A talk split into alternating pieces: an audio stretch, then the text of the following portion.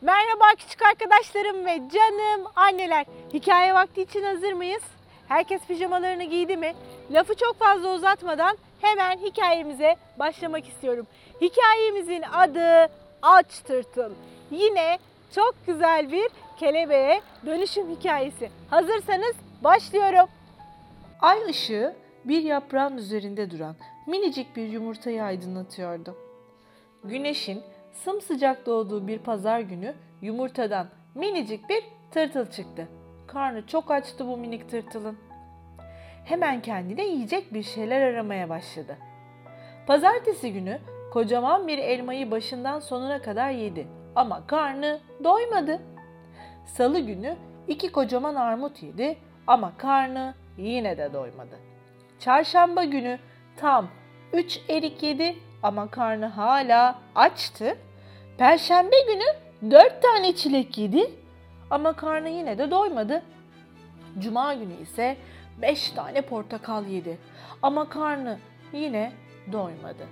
Cumartesi günü bir çikolatalı pasta, bir dondurma, bir dilim kaşar peyniri, bir dilim salam, bir lollipop, bir dilim meyveli kek, bir sosis, bir üzümlü kek ve bir dilim karpuz yedi.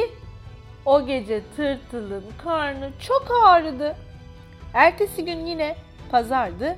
Tırtıl yemyeşil, taptaze bir yaprak yedi. Karnının ağrısı geçti.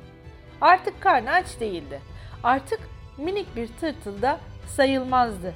Kocaman ve şişman tırtıldı. Kendisine koza denilen bir ev yaptı. Kozanın içinde iki haftadan fazla kaldı. Sonra kozada bir delik açıp dışarı çıktı ve çok güzel bir kelebek oldu. Evet, hikayeyi beğendik mi?